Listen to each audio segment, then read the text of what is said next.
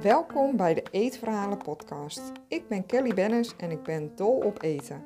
In mijn podcast deel ik verhalen over lekker eten, vooral in Servië, en ik laat je de kant achter eten zien, de psychologie van eten. We gaan het hebben over overgeefangst vandaag, hè? over emetofobie. Ja. Kan jij je uh, misschien eerst even voorstellen, Maaike?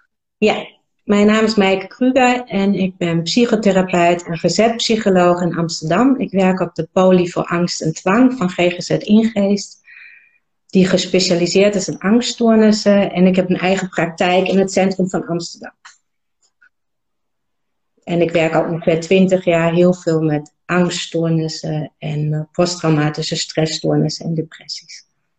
Mm En um, ja, we hebben dit onderwerp eigenlijk uh, gekozen. Ik heb jou gevraagd om het hierover uh, over te hebben.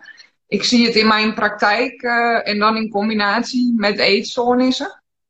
En jij ziet het ja, in, zowel met als zonder eetstoornissen. Dus het leek mij wel heel interessant om jou, ja, jij weet daar veel van vanuit de visie als psycholoog, hè? Om daar uh, wat meer over te vertellen, ook aan onze kijkers. En als jullie vragen hebben tijdens uh, de uitzending, stel ze. We hebben ook een aantal vragen gekregen vooraf, dus die gaan we ook beantwoorden. En uh, ja, dus misschien kan je wat gaan vertellen over emetofobie. Ja, nou ja, dat is, het begrip is relatief nieuw toen ik twintig jaar geleden begon, toen had je deze fobie ook al. Maar toen werd dat altijd behandeld in het kader van een paniekstoornis met agorafobie. En daar lijkt het ook wel heel erg op. Je krijgt een bepaalde lichamelijke klacht, in dit geval misselijkheid. En je wordt heel erg bang voor de gevolgen van de klacht. In dit geval dat je gaat overgeven. Het liefst nog in een situatie waar het heel ongemakkelijk is. En je gaat allerlei situaties vermijden om niet over te geven. En emetofobie betekent eigenlijk dat je een braakfobie hebt, dat je heel erg bang bent zelf om over te geven, maar ook heel erg bang bent om een ander te zien of te horen overgeven. En dat, je, ja, dat, dat, dat heb je in allerlei gradaties. Van mensen die het alleen moeilijk vinden om uit te gaan en uh, naar festivals te gaan, waar veel dronken mensen zijn en mensen gaan overgeven. Tot en met mensen die eigenlijk niet meer naar hun werk uh, durven te gaan. Of uh, die hun werk als kleuterjuf niet meer aandurven. Omdat kleuters vaak misselijk zijn. Of vrouwen die niet zwanger durven te worden uit angst voor uh, zwangerschapsmisselijkheid. Dus dat kan heel ver gaan. Dat kan heel invaliderend zijn. En is dat een combinatie? Of kan het ook zijn dat mensen bijvoorbeeld niet bang zijn om zelf over te geven. Maar dat het meer alleen is voor de angst dat anderen overgeven?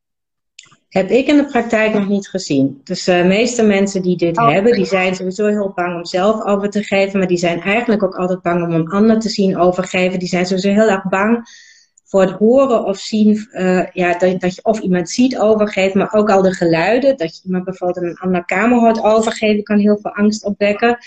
En dat is op zich ook niet zo gek, want de meeste mensen zijn bang dat als iemand anders zien of horen overgeven, dat ze zelf ook gaan overgeven. Mm en dat is ook echt een beetje, nou ja, dat is niet zo, maar ik, ik heb heel veel uh, filmpjes bekeken van praaksel, mensen die overgeven met mensen met deze fobie.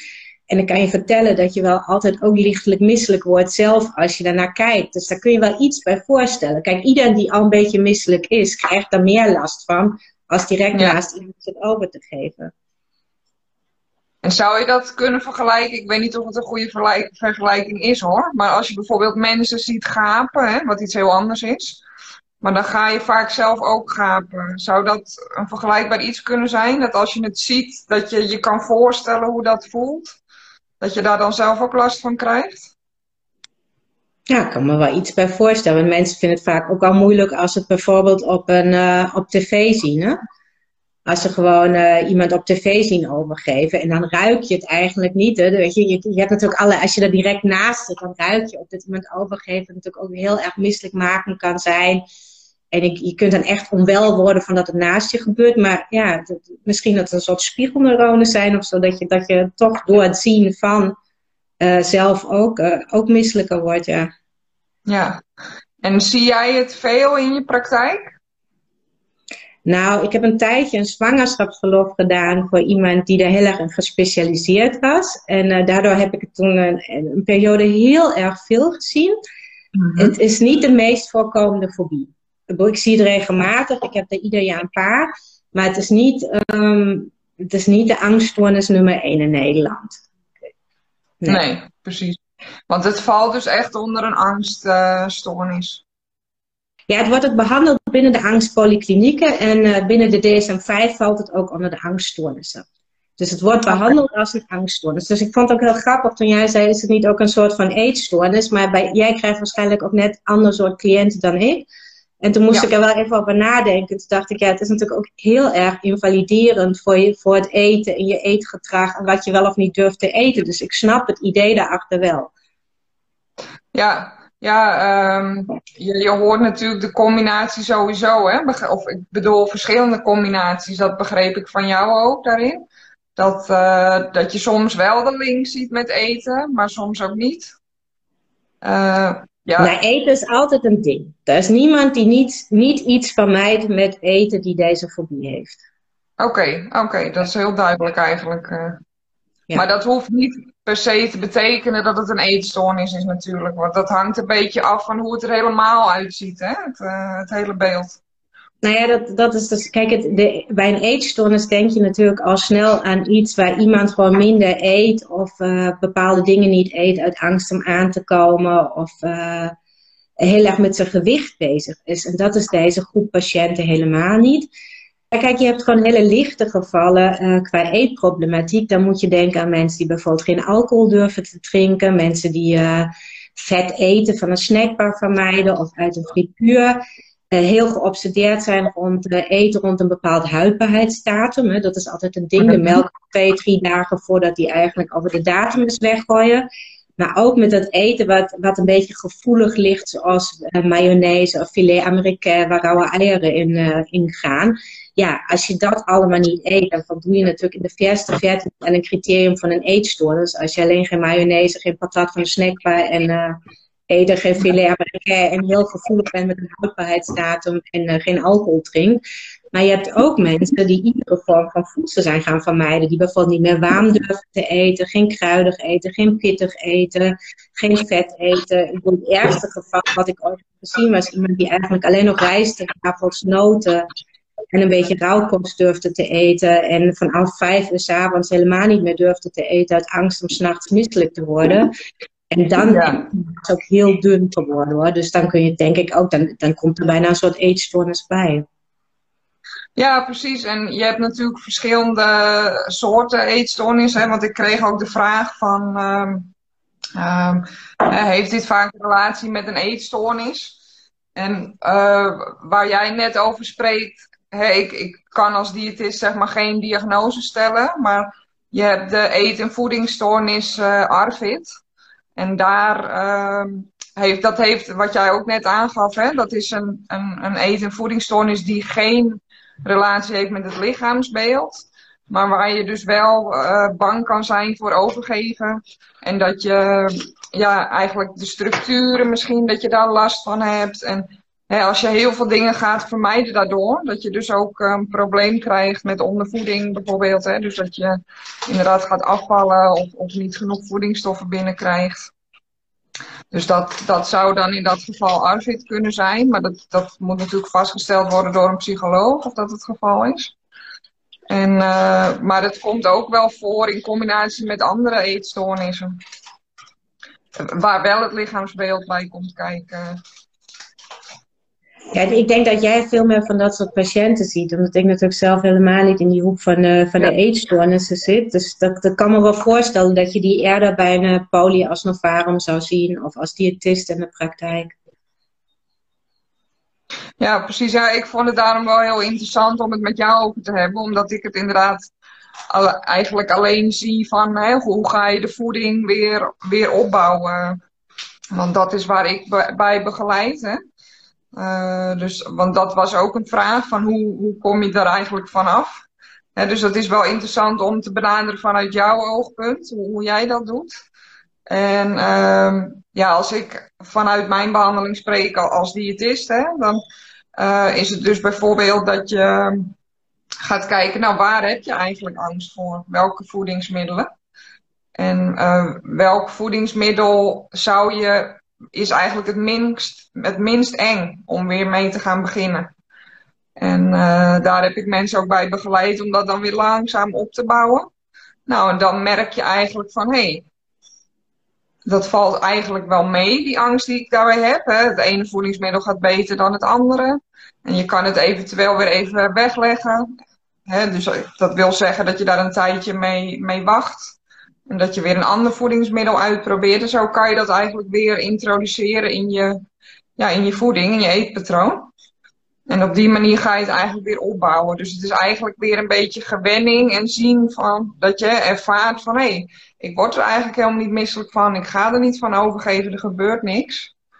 En dat je op die manier weer goede, positieve ervaringen krijgt, waardoor je die voeding weer ja, kunt gaan eten. En dan bouw je dat steeds verder uit en dan uh, neemt die angst ook af daarvoor. Ja, er is heel veel overlap, denk ik. Kijk, wat je, wat je, uh, wat je doet bij, uh, in, de, in de psychiatrie eigenlijk qua behandeling, je kijkt even waar het mee te maken heeft, waar het vandaan komt. En soms heeft het ook echt, uh, is het gewoon met een soort, nou, als traumatisch ervaren gebeurtenis gebeur, begonnen. Dus ik hoorde uit een meisje die was op schoolreisje en een kindje die ging naar het Dolfinarium in Harderwijk, was een uurtje busreis. En een kindje ging er meteen, die werd wagenziek naast en die ging er helemaal onderspugen. En er was geen vervangende kleren of kleding. Dus ze is de hele dag gewoon met, met dat praaksel in de haar, in de kleren op dat, op dat schoolreisje geweest. En toen begon het. Nou, dat zijn bijvoorbeeld situaties, daar zou je kunnen zeggen, nou, dan kun je ook beginnen met EMDR. Hè, dat is een vorm van traumaverwerking. Of mensen die uh, wel eens uh, geneeskundestudenten, zie je het ook wel eens, dat die in, uh, in de eerste lessen dat ze met lichamen moeten werken of lijken, dat ze heel onwel worden of operaties bekijken. en dat ze dat als heel traumatisch hebben ervaren, vaak niet eens echt overgegeven, maar wel die angst gehad.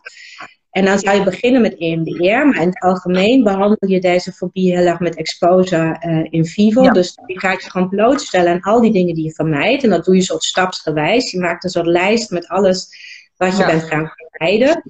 En dat kan gedrag zijn, hè? dat je niet meer, niet meer uit durft te gaan, niet meer naar een festival uit angst voor dronken mensen. Dat je uh, niet meer met OV durft te gaan, niet met iemand anders mee durft te rijden uit angst om wagenziek te worden.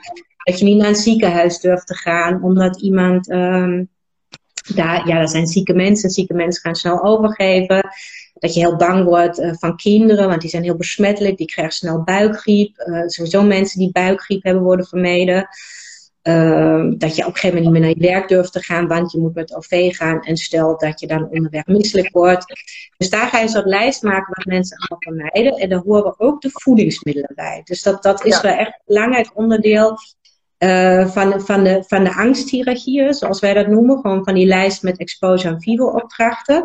Dus uiteindelijk zijn dit allemaal onderdelen en je bouwt dat op. Dus je begint met gewoon melk drinken op de dag van de houdbaarheidsdatum. Dan de dag dat het de dag over de houdbaarheidsdatum is. Je gaat filet américain eten. Uiteindelijk ga je naar de snackbar en filet américain eten. En in de achterbaan. Je probeert het echt uh, gewoon op te bouwen. Totdat je eigenlijk je, je grootste angstscenario onder ogen durft te komen. En merkt dat je niet bang bent. En dat je niet overgeeft. Want je wordt wel vaak misselijk. Dat, dat gaat gewoon gebeuren. Maar juist mensen met emotofobie geven eigenlijk bijna nooit over. Die hebben vaak de laatste tien jaar van hun leven niet meer overgegeven. Dat maakt het ook een hele aparte fobie. En mijn theorie is eigenlijk, ik geef zelf ook niet makkelijk over, dat je juist omdat je eigenlijk nooit overgeeft, dat je behoorlijk misselijk kunt worden. De overgeven helpt natuurlijk ook als je ergens heel ziek van bent, van alcohol of van voedsel, dat, dat je daarna minder misselijk bent. Dus ik denk dat daar ook iets van die misselijkheid en hoe die beleefd wordt, uh, dat dat wel iets mee te maken heeft dat die mensen eigenlijk helemaal niet zo makkelijk overgeven.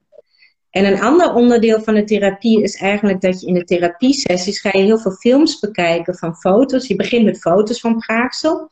Mm Maak luidopnames van mensen die je overgeven, daar ga je naar luisteren. Je gaat films bekijken op internet waar mensen overgeven. Daar heb je gek genoeg een enorme selectie. Uh, en die ga je keer op keer kijken totdat mensen minder bang worden, dat de angst gaat dalen, dus dat je een soort uitdoving krijgt. En je gaat gewoon iedere keer ervaren dat je misschien wel misselijk wordt, maar dat je niet gaat overgeven bij het zien van die filmpjes. Ja, precies. En uh, doe je dat samen met de cliënt of is dat een combinatie? Dat ik doe dat, ja, ik, altijd eerst samen in de sessie. En dan bouwen we het ook op afhankelijk van wat iemand erg vindt om te zien. En daar zoek ik dan ook de filmpjes voor de geluidsfragmenten en de foto's. En dan doe ik het in de sessie, doen we het gewoon anderhalf uur lang samen. En dan gaat iemand, als het goed is, al de deur uit met, uh, met een uh, daling van angstniveau. Dat iemand denkt, oh ja, ik kan het nu wel best wel oké aan. En dan moet iemand het iedere dag eigenlijk thuis een uurtje oefenen. En dan ga je die week daarna verder met de volgende situatie. Dus ze hoeven geen nieuwe filmpjes op te zoeken. Ze gaan gewoon oefenen met die filmpjes die je al een keer samen hebt bekeken. Oh ja. Ja. ja, het is eigenlijk wel mooi om te zien hoe, uh, hoe erg het overeenkomt. Hè? Dat het dus, ik werk dan eigenlijk alleen met de voedingsmiddelen. En, en jij kijkt, bekijkt alle facetten eigenlijk. Hè? Maar dat komt natuurlijk ook omdat mijn cliënten eigenlijk niet die andere facetten hebben gehad, eigenlijk, hè, die jij bespreekt. Uh, dus dat is misschien dan toch een, een beetje een ander soort cliënt. De, degene die ik behandel, ik ben natuurlijk gespecialiseerd als diëtist in, in eetproblemen en eetstoornissen. Mensen die bij mij komen, die, daar gaat het echt om het eten eigenlijk zelf.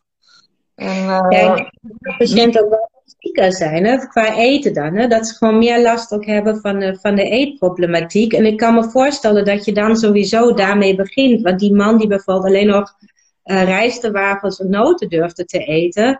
Daar zijn we, hebben we ons de eerste maanden alleen op de voeding gericht. En bij, met hem heb ik echt geen foto's bekeken van, uh, van Praaksel. Maar we hebben kookboeken bekeken. Want hij werd al misselijk van het zien van een, uh, van een plaatje van warm eten. Oh, en ja. hij eigenlijk weer beginnen. Weet je, dat hij begon met de lunch met een soepje of een bouillon. Dus dat we echt het warme eten weer hebben opgebouwd. En op een gegeven moment eten waar ook weer kruiden in zaten. Uh, dus dat lijkt dan denk ik meer op wat jij normaal gesproken doet, hè? Ja, zeker. Ja, dat, uh, dat is eigenlijk precies wat ik doe inderdaad. Op die manier uh, opbouwen. Dus dat heet exposure inderdaad. Je wordt blootgesteld aan hetgeen waar je bang voor bent. En, maar het is echt mooi om te zien, want ja, de angst is vaak heel groot. Maar ehm, ja, dat zal natuurlijk ook van de cliënt afhangen, hè, natuurlijk. Maar het is wel mooi om te zien hoe ze dat eigenlijk dan weer mooi op kunnen bouwen. En dat het eigenlijk vaak makkelijker gaat dan ze denken.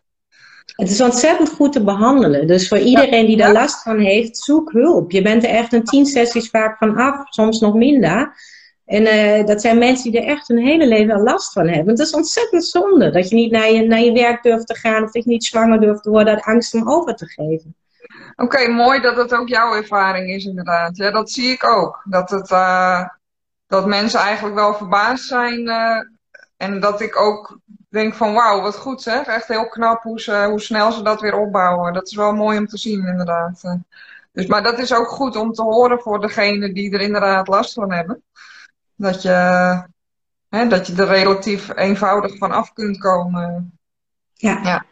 Ja, dus het hangt een beetje van af hè, hoe het er bij jou uitziet. Of je naar de psycholoog gaat of, of naar de diëtist die daar. Het moet wel een diëtist zijn die daarin gespecialiseerd is. Want, hè, dus eetproblemen of eetstoornissen. Want anders is het, uh, ja, kan je daar niet goed bij geholpen worden.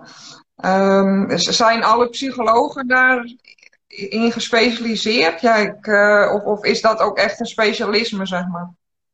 Nou, ik zou wel op zoek uh, gaan naar een cognitief gedragstherapeut, want die zijn in het algemeen wel gespecialiseerd in dit soort behandelingen. Uh, en er zijn misschien ook uh, psychologen die dat nog niet zo vaak hebben gedaan. Dus altijd een beetje rondkijken. Op de website de, de, van de stichting Emetofobie staan ook vaak therapeuten en adviezen. Ze hebben een hele goede website. Met ook filmpjes en boeken en literatuurtips en wat je zelf ook kunt doen. Dus daar zou je bijvoorbeeld kunnen kijken. En de VGCT, de Vereniging voor Cognitieve Gedragstherapie, die heeft ook een lijst met therapeuten en hun uh, specialisaties. Dus daar zou je ook nog kunnen kijken. Ja, precies. Oh, dat zijn goede tips inderdaad. Ja, want ik krijg ook de vraag hè, van uh, komt het veel voor? Maar wat jij eigenlijk ook zegt, hè, het, het is niet iets wat voorop staat misschien. Wat de meest voorkomende stoornis is. Maar het valt mij wel op dat als ik er nu dus over praat op Instagram, hè, dat ik heel veel reacties krijg van, oh, ik herken me daarin. Of dat ze iemand kennen die dat heeft, bijvoorbeeld. Dus ja, het speelt wel eigenlijk. Nou ja, kijk, je moet, het is ook hoe je het bekijkt. Kijk, de 20% van de Nederlanders heeft één keer in hun leven een angststoornis. Dus angststoornissen komen heel veel voor en daar valt het ook onder. En enkelvoudige fobieën komen ook heel vaak voor. En binnen de enkelvoudige fobie is die emotofobie is de zevende. Dus dan moet je je voorstellen, dan heb je daarvoor nog de angst om te vliegen, voor kleine ruimtes, uh, voor injecties en naalden. Uh, voor spinnen, voor muizen. En dan op een gegeven moment op nummer 7 komt die metofobie. Maar ik denk dat die vaak ook gediagnosticeerd wordt als een paniekstoornis met agorafobie. Um, en dat komt wel echt ontzettend vaak voor. Dat is een van de meest voorkomende psychiatrische aandoeningen. En het is ook echt dezelfde soort behandeling. Um, en ik denk dat mensen toch vaak als een uh, gegeven accepteren omdat iedereen vindt het natuurlijk eigenlijk vies om iemand te zien overgeven. Niemand vindt het fijn om praaksel te zien. Dus ik denk dat mensen ook niet snel vooruitkomen. Het ook niet snel als een fobie zelf misschien zien of benoemen. En dat anderen gewoon het ook niet dusdanig ervaren, maar meer denken, ja, zij kan er echt niet goed tegen of zo. Wat, wat ook dan weer iets is wat iedereen heel begrijpelijk vindt. Dus ik denk niet dat mensen het snel als een fobie uh, zullen, zullen zien. Nee, precies. En ik zag ook op de site van. Uh de Stichting en Metafobie dat het, het schijnt redelijk lastig te, te diagnosticeren te zijn. Wat ja, mij verbaasde dat ik dat las, maar... Ja, ik denk het eigenlijk niet. Maar ik denk wel dat het, omdat het, het begrip nog niet zo lang bestaat en die stichting ook nog niet zo lang actief is, dat het wel in het verleden heel vaak als een paniekstoornis met agorafobie gediagnosticeerd werd, of als een enkelvoudige fobie. Maar de behandeling was wel dezelfde. Want eh, kan je nog een keer zeggen hoe die fobie heet en waar staat dat voor? Ja, een paniekstoornis met agorafobie, dat is eigenlijk dat je een bepaalde lichamelijke klacht krijgt waar je van in paniek raakt. Ah, dus je wordt misselijk, of je krijgt buikpijn, of je krijgt hartkloppingen. En vervolgens interpreteer je dat op een angstige manier. Dat je denkt dat je gaat overgeven, of uh, dat je het in je broek gaat doen, dat je een hartaanval krijgt, dat je gaat flauwvallen. En uit angst om dit soort klachten te krijgen, ga je steeds meer situaties uit de weg en vermijden. Daar staat die agorafobie voor. Een beetje ouderwets, uh, nou ja, wat, wat, vroeger ook wel eens pleinvrees werd genoemd. Uh daar, daar, daar, wordt dat ook wel eens ondergeschaad. Of, weet je, daar, vroeger werd dat zo gediagnosticeerd. En in de, in de DSM-5 heb je geen onderscheid tussen die verschillende fobieën. Dan wordt, wordt dit, de imatofobie wordt als specifieke fobie of enkelvoudige fobie uh, gediagnosticeerd. En dan heb je daar allerlei, daar valt ook de vliegangst onder, of de angst voor injecties, of de mhm. angst voor bepaalde dieren. Op die manier inderdaad. Ja, want um, een andere vraag nog die ik kreeg is: hè, hoe doorbreek je het taboe hierover? Um, ik heb daar wel een, uh, een visie over, maar wat, wat denk jij als je dat zo hoort? Nou ja, begin dan sowieso met anderen over te praten. Kijk, als, als 20% van de Nederlanders een angststoornis in hun leven heeft, dan zou iedereen dat wel herkennen. Of dat hij het zelf heeft gehad, uh, of dat, uh, dat een familielid het heeft gehad. En op het moment dat je zoiets openlijk bespreekt, krijg je vaak heel veel reacties van, oh dat heb ik ook, of mijn tante heeft dat ook. Hoeveel mensen ken je niet die muis of een spinnenfobie hebben? Uh, dat is ook een enkelvoudige fobie. Dat is feitelijk niet, niet echt iets anders. Dus in principe zouden mensen zich daar goed moeten kunnen inleven. En als je dat nog heel spannend vindt, zou je kunnen beginnen met het lotgenotencontact. De Stichting Imatofobie heeft een lotgenotencontact uh, op een website. Daar kun je ook uh, gewoon contact in eerste instantie met mensen die het heel erg herkennen en die misschien al therapie hebben gehad zoeken. Als je het nog spannend vindt om het met vrienden of familie te bespreken. Precies, ja. Want dat was inderdaad mijn advies ook. Ehm, je merkt inderdaad dat er nog heel erg een taboe is. Uh, want iemand stelde dus deze vraag. Hè, en die heeft het idee van, nou, ik ben eigenlijk alleen hierin. Ik heb het idee, ik, ja, ik hoor daar nooit iemand over. Volgens mij ben ik alleen. heeft niemand anders daar last van. Hè? Dat is dan in dit geval in combinatie met een andere eetstoornis uh, gecombineerd met, uh, met die overgeefangst ik zeg maar, ja, je bent niet de enige. Het, komt echt uh, meer voor. Maar het is meer zo dat, en dat is eigenlijk met alle eetstoornissen en eetproblemen zo. Mensen praten daar niet graag over. Ze vertellen het vaak voor de eerste keer aan mij of aan de psycholoog. uh, ja, daar, daar zit gewoon nog steeds een, een, een groot schaamtegevoel eigenlijk op. Hè? Of, dus mensen vinden het heel lastig om daarover te praten. Dus maar goed, dan, zou ik je, dan zou ik je wel meegeven. Tel maar in je familie en kennissenkring. Wie heeft vliegangst? Wie is bang voor kleine ruimtes? Wie is bang voor hoogtes? Wie is bang voor spinnen? Wie is bang voor muizen? Wie is bang voor duiven? Wie is bang voor injecties? Uh, wie is bang voor ziekenhuizen? En als je dat rijtje afgaat, dan kom je er toch achter dat ongeveer 70% van de mensen in je omgeving op zijn minst aan de kenmerken van één enkelvoudige fobie voldoet. Ja, precies. Dat geeft toch wel een stukje troost, hè? Want uh, dat is heel vaak als mensen horen van, ik ben niet de enige, dan, dan voel je niet alleen daarin. En dan voel je niet raar of zo, dat jij de enige bent die dat hebt. Dus dat geeft dan toch een stukje steun. Dus uh, dat is inderdaad een goede tip om je dat eens af te vragen. Ook al is het dan misschien niet exact hetzelfde, het valt wel allemaal onder een, uh, een fobie of een angststoornis. of enkelvoudig dan. Ja, en ik denk wat ook nog lastig is bij die emotofobie, dat, dat, dat je daar eigenlijk ook heel bezwaard over voelt dat je mensen vaak niet kunt helpen als ze misselijk zijn. Ik hoor bijvoorbeeld van moeders dat ze hun eigen kinderen eigenlijk uit de weg gaan als die buikgriep hebben.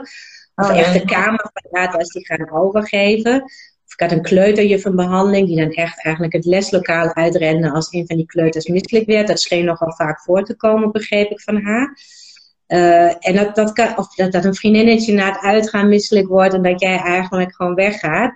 Dus dat, dat kan heel beladen zijn. En daarom is het ook belangrijk, daar kunnen mensen zich heel erg voor schamen, maar daar kun je er toch niet zoveel aan doen als je het echt super eng vindt en heel bang wordt. Dus ook dat is goed om te bespreken met, uh, ja, binnen de familie of met vrienden. Um, wat maakt dat, dat het voor jou iets anders is? Want iedereen vindt het lastig en niet zo fijn. Maar dat het toch iets anders is of je echt een fobie hebt of dat je het niet zo prettig vindt. Ja, zeker. En, uh, maar inderdaad, wat, wat dus goed kan helpen is, en dat is uh, hè, sowieso bij alle taboes, je ziet het nu ook wel meer uh, gebeuren eigenlijk, dat, dat er meer openheid komt hè, over over psychische ja, problematiek of uh, dingen waar mensen mee, mee worstelen. Dat daar meer openheid over komt. Dus dat is wel een heel goed, goed iets, uh, denk ik. Ook voor dat stukje herkenning, hè, dat mensen zich niet alleen voelen. En inderdaad, van ga kijken wie jij in je omgeving vertrouwt. Dat je daarmee over kan hebben. En inderdaad, als dat een stukje te, te spannend is, ga dan inderdaad mensen opzoeken die met hetzelfde worstelen als jij. En wie weet is diegene wel al in staat om het te delen met iemand anders. En kan je daar tips op doen hoe je dat stapje wel kan, uh, kan zetten. En geef ook vooral aan wat, hè, als je dan wel uh, in staat bent om contact op te nemen met een, iemand uit jouw directe omgeving, familie of vrienden of iemand anders waar je je prettig bij voelt. Dat je ook aangeeft waar jij behoefte aan hebt, wat, wat jou kan helpen daarin. Dat uh, ja, kan heel behulpzaam zijn in je, in je herstel ook daarvan. Als je die steun hebt. En kijk echt op de site van die stichting Immotofobie. Daar staan ook echt filmpjes op en uh, fragmenten waar je zelf mee kunt oefenen. En een heel goed zelfhulpboek wat mensen vaak heel prettig vinden is uh, Misselijk van Angst. Dat, daar kun je ook heel veel informatie uithalen. En inderdaad, bespreek het met kennissen en familie en vrienden. Maak ook duidelijk wat het verschil is tussen het ongemakkelijk vinden en echt heel bang zijn en heel veel dingen uit de weg gaan. Ja, precies. En je kan natuurlijk ook altijd, uh, hè, want stel dat de familie bijvoorbeeld nog geen optie is. Je kan ook altijd een, een, afspraak maken bij de huisarts. En dan het liefst een, een dubbele afspraak. Dat je in ieder geval eventjes je verhaal kwijt kunt.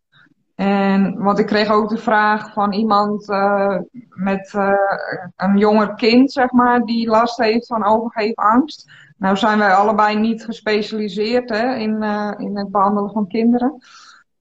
maar wellicht kan die website van de stichting en Metafobie daar weer verder in helpen voor. Hè, stel dat mensen zeggen, ik heb een kind die hier last van heeft.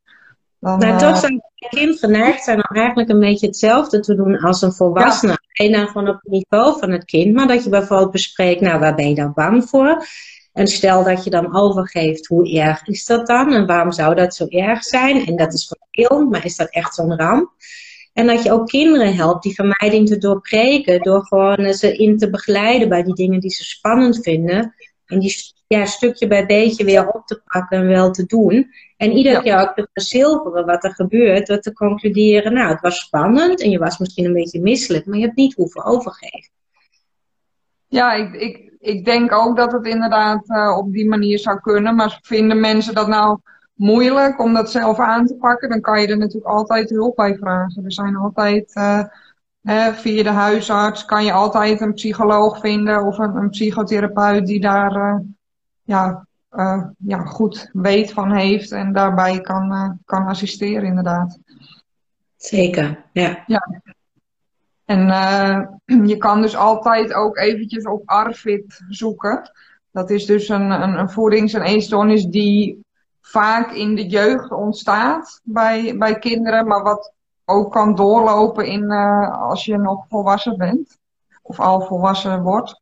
Um, en ja, het kan verschillende oorzaken hebben, maar dan heb je dus problemen met bepaalde structuur, bepaalde voedingsmiddelen, het mondgevoel. En dat je daar ja, bang van bent, dat je bijvoorbeeld gaat overgeven. Um, en ja, dat kan hè, zijn door een traumatische gebeurtenis, maar ook uh, andere ja, oorzaken. Misschien dat er ja, heel veel producten sowieso al vermijd werden in dat gezin. Of, uh, dat kan heel persoonlijk zijn waar het vandaan komt. Maar op bijvoorbeeld thuisarts.nl is een goede website van de, van de huisarts een betrouwbare site. En daar kan je ook meer informatie vinden over ARVID. Daar wordt het ook omschreven. En ook op veel websites van eetstoornisklinieken staat ARVID uh, omschreven. A-R-F-I-D schrijf je het. Ja. Dus dat. Uh, en goed, dat, dat is een eet- en voedingsstoornis, het, het, allebei de termen worden gebruik, gebruikt. Eet- en voedingsstoornis. De ene keer wordt het eetstoornis genoemd, dan weer alleen voedingsstoornis. En die staat sinds kort ook in de DSM-5. Uh, of niet sinds kort, sinds de DSM-5 staat hij daarin. Uh. Ik had er nog nooit van gehoord voordat jij daarover begon. Maar het komt ook echt omdat ik helemaal niet thuis ben in de eetproblematiek. Maar ik, ik kan me nog voorstellen dat je bijvoorbeeld dit soort dingen meer een voedingsstoornis noemt. Hè? Als mensen gewoon door een angst of uh, door een probleem met structuur of door vanuit autisme bepaalde moeite hebben met bepaalde voeding en eetgedrag. En dat je het wat meer een eetstoornis noemt op het moment dat het ook veel meer met je, ja, met je uiterlijk en met je lichaamsbeleving ja. te maken heeft. Ja, want dat is het verschil inderdaad. Arvid heeft uh, niet met lichaamsbeeld te maken. Absoluut niet. Nee. Zeg maar. Nee, die emotofobie natuurlijk eigenlijk ook totaal niet. Nee. Dus terwijl, uh, terwijl zeg maar emetofobie ook kan voorkomen bij een eetstoornis. Ja, ja. Ja, ja het kan natuurlijk allebei. Of je ja. kunt, ik wil die man die echt alleen nog die rijstewagens had, die had echt ondergewicht op een gegeven moment. Maar niet omdat hij dat graag wilde, maar wel omdat hij was om nog, nee. nog dingen te eten, ja. Ja, maar wellicht was dat Arvid, dat, dat weet ik natuurlijk niet. Maar dat zou wel kunnen. Want wat, wat je dus ook ziet bij Arvid is dat er echt een probleem optreedt doordat al die dingen worden vermijd. Treedt er uiteindelijk uh, voedingstekorten op of ondervoeding. Uh, omdat je echt te weinig binnenkrijgt, gewichtsverlies inderdaad. Dus dat uh, kan zeker gebeuren dan, ja. Ik ga even kijken of er. Uh, zijn er op het moment nog vragen van andere kijkers? Ik kijk ook eventjes bij de vragen die we hadden. Ja, in principe hebben we eigenlijk alle vragen beantwoord uh, die er waren. Heb jij nog een, een aanvulling verder? Nee, niet iets wat me zomaar te binnen schiet.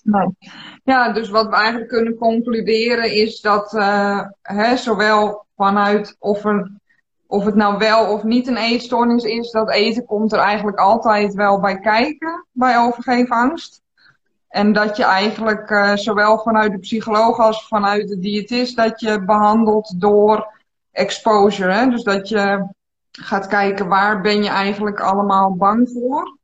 En dat je jezelf daar dus onder begeleiding van de psycholoog en of diëtist, hè, afhankelijk van waar je loopt en waar het hoofdprobleem ligt. Um, Hè, bij de diëtist is het vooral dat je echt heel erg met die voeding bezig bent. En bij jou kan het misschien een, een onderdeel zijn, maar ook uh, andere aspecten. die te maken hebben wat je zei, hè, dat je bijvoorbeeld bang bent voor dronken mensen, omdat die kunnen gaan overgeven, of zieke mensen.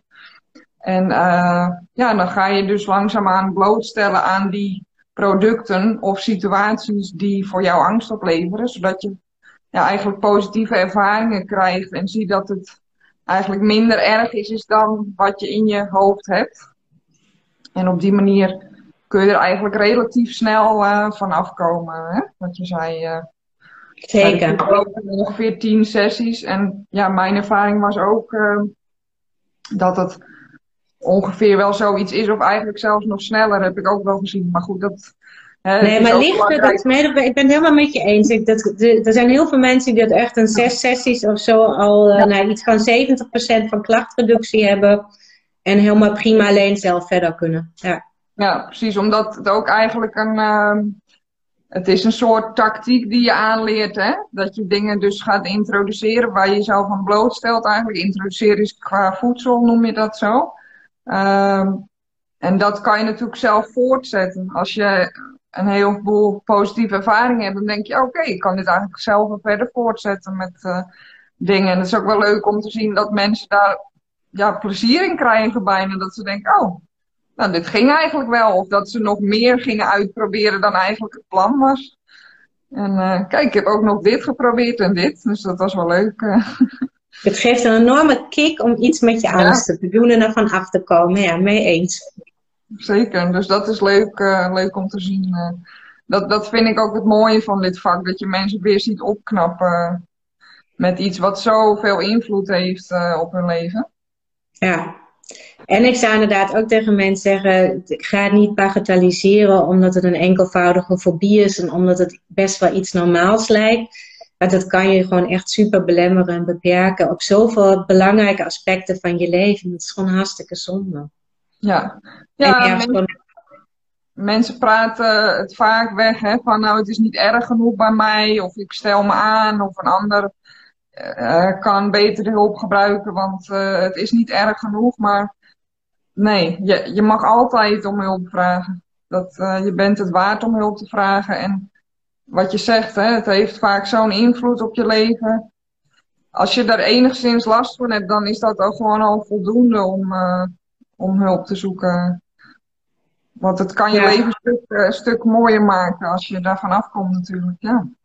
Nou, volgens mij ja. hebben we alles gezegd, toch? Ik denk het ook, ja. Dus uh, bedankt voor het kijken allemaal. Er komt een uh, opname ook uh, online hierna. En ik maak er ook een podcast van die morgen online komt. Dus dan ja, kan iedereen het nog nakijken of naluisteren. En mochten er hierna nog vragen zijn, dan zijn jullie welkom om die te stellen. dan kunnen jullie me een bericht sturen en ik kan het ook doorsturen aan, aan Maaike. Helemaal goed dan krijgen jullie antwoord daarop. Heel erg bedankt, Maaike. Was leuk om ja. het te doen. en, nou, fijn. Jij ook nog een fijne dag. Doei.